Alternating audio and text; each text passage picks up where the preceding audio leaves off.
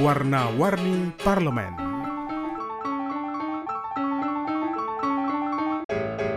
Jangan mengucapkan Alhamdulillah Rabbil Alamin. RDPU ini kami tutup. Wassalamualaikum warahmatullahi wabarakatuh. Suara ketukan palu sidang. Tanda berakhirnya rapat di salah satu ruang sidang DPR RI Eits, tapi bukan berarti pekerjaan sudah selesai ya di DPR ini justru ada satu divisi yang mulai sibuk setelah seluruh rangkaian proses rapat selesai. Namanya bagian perisalah. Tahu nggak risalah itu apa ya Zid? Oh, aku pernah baca di peraturan DPR RI nomor 1 tentang tata tertib. Risalah itu catatan rapat yang dibuat dan berisi seluruh jalannya pembicaraan yang dilakukan di dalam rapat. Dilengkapi catatan tentang jenis rapat, sifat rapat, hari dan tanggal rapat, serta acara rapat, waktu pembukaan dan penutupan rapat, jumlah dan nama anggota, serta undangan yang hadir di dalam rapat. Betul. Ini tugas yang penting loh. Dengan risalah ini, walaupun kita nggak ikut dalam rapat anggota dewan, tapi kita bisa merasakan seolah-olah ikut berada di dalam suasana rapat dengan membaca seluruh proses kegiatan rapat dari awal sampai akhir. Selain itu, kita bisa men-tracking tema, permasalahan, dan keputusan rapat. Bagi anggota dewan, ini juga penting banget karena bisa dijadikan acuan dan bahan referensi untuk rapat selanjutnya, apakah akan dilanjutkan dengan tema yang sama atau dengan tema yang berbeda. Yuk, kita coba main ke ruang risalah.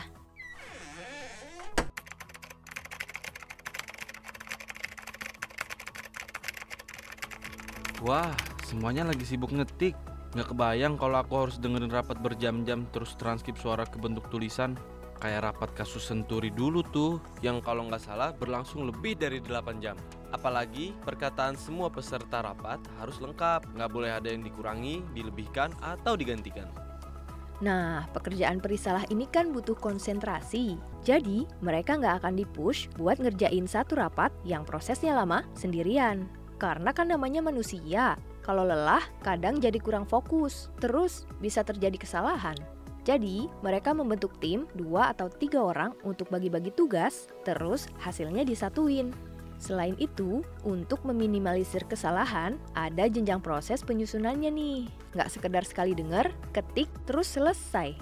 Yuk, tanya Mas Wisnu yang udah ada di Divisi Risalah dari tahun 2009. Kalau proses penyusunan risalahnya sebenarnya gini, proses penyusunannya itu sebelum jadi risalah kita ada namanya transkrip. Nah, base-nya itu adalah di transkrip. Jadi awalnya itu adalah uh, dari perekaman yang ada di AKD. Kemudian setelah rapat selesai, rekaman tersebut dikirim ke bagian risalah. Tapi yang mengerjakan adalah jabatan asisten perisalah, namanya APL. Nah, APL itu mengerjakan dari rekaman menjadi transkrip, dari suara menjadi tulisan. Kemudian dari transkrip itu diteruskan ke jenjang perisalah legislatif. Oh gitu. Apa aja tuh mas? Tahap pertama, muda dan madya. Di jenjang perisalah legislatif itu ada tiga tahapan lagi. Tahap pertama, tahap muda, dan tahap madya. Nah, tahap pertama ini adalah mengecek lagi, mengecek dari transkrip nih, membuat kepala dan kaki. Untuk badannya sih sama, transkrip uh, dan risalah sama itu, cuman ditambah dengan kepala dan kaki. Kepala dan kaki itu apa aja? Nah, kepala dan kaki ini yang tadi isinya adalah jenis dan sifat rapat, hari dan tanggal rapat, tempat rapat, acara rapat, waktu pembukaan dan penutupan dan seterusnya. Kemudian kakinya itu adalah yang menandatanganinya gitu. Nanti dari situ alurnya dari pertama diserahkan ke muda. Muda itu kemudian tim memvalidasi, pencocokan antara uh, suara dengan siapa yang berbicara dan mencocokkan apa yang dibicarakan dengan tulisannya gitu. Nanti dari situ baru ada proses terakhir adalah autentifikasi. Proses di mana mengecek keasliannya antara suara dengan tulisan. Dicek lagi semuanya keasliannya sudah betul atau belum nanti baru diparaf dan untuk selanjutnya diserahkan ke AKD, dikembalikan lagi ke AKD. Kami Komisi 5 dan langsung saja. Nah, nah, kalau suaranya bermasalah gitu gimana? Terkadang rapat bisa aja di luar kantor, di luar gedung, dan beda-beda set suaranya. Ada yang pakai mikrofon dan suaranya dari atas, jadi kurang kerekam jelas di voice recorder. Bisa juga pas pasang voice record di titik A, kemudian suara datang dari berbagai sumber, akhirnya jadi menggaung, noise, dan kurang jelas. Kendala lain, kadang-kadang ada pelafasan kata-kata yang kurang jelas dari narasumber. Itu kenapa ada tiga tahap tadi ya Zid. Tahap pertama, PL pertama, PL muda, dan PL madya. Ketiga-tiganya ini saling mengkoreksi, saling mendengarkan ulang. Kan zaman sekarang udah banyak teknologi AI yang bisa mentranskrip suara jadi teks. Kenapa nggak pakai itu aja sih biar lebih gampang?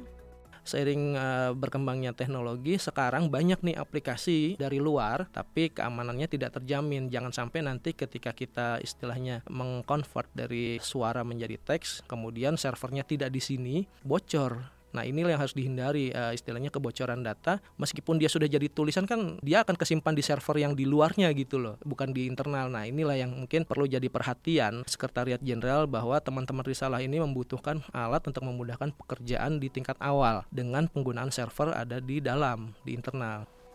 Oh gitu ya Mas Wisnu. Kalau masyarakat umum mau mengakses risalah seluruh rapat alat kelengkapan Dewan di DPR RI, bisa lewat website dpr.go.id. Pilih menu alat kelengkapan, terus bisa klik item risalah di masing-masing alat kelengkapan. Atau bisa pilih menu PPID, terus ajukan risalah rapat yang diinginkan. Nanti PPID yang akan meneruskan sesuai mekanisme yang ada. Nah, sebentar lagi kan mau pemilu nih. Kita bisa loh manfaatin risalah rapat sebagai referensi kita untuk menilai akuntabilitas anggota parlemen. Kembali Wisnu. Jadi gini, bagi siapa pun di luar parlemen, kalau mau tahu anggota ini akuntabilitas seperti apa, bisa dicek di risalah di bagian kepalanya di situ ada namanya kehadiran. Siapa yang hadir di situ? Bisa dicek. Karena kita itu berdasarkan daftar hadir yang ada di komisi yang ada di AKD itu yang pertama. Akuntabilitas yang kedua adalah kita bisa melihat di isi risalahnya di konten risalahnya. Apa isinya? Akan kelihatan tuh siapa ngomong apa. Yang paling aktif siapa. Nah, ternyata dengan mencermati risalah rapat, kita dapat mengetahui kinerja wakil rakyat pilihan kita pada pemilu yang lalu. Selanjutnya, sebelum memilih dalam pemilu nanti, pastikan Anda memilih wakil rakyat berprestasi ya. Jangan memilih karena embel-embel hadiah, bingkisan, apalagi politik uang. Sakit hatinya bisa lima tahun. Jadi cermati risalah rapat, pilih wakil rakyat yang terbaik.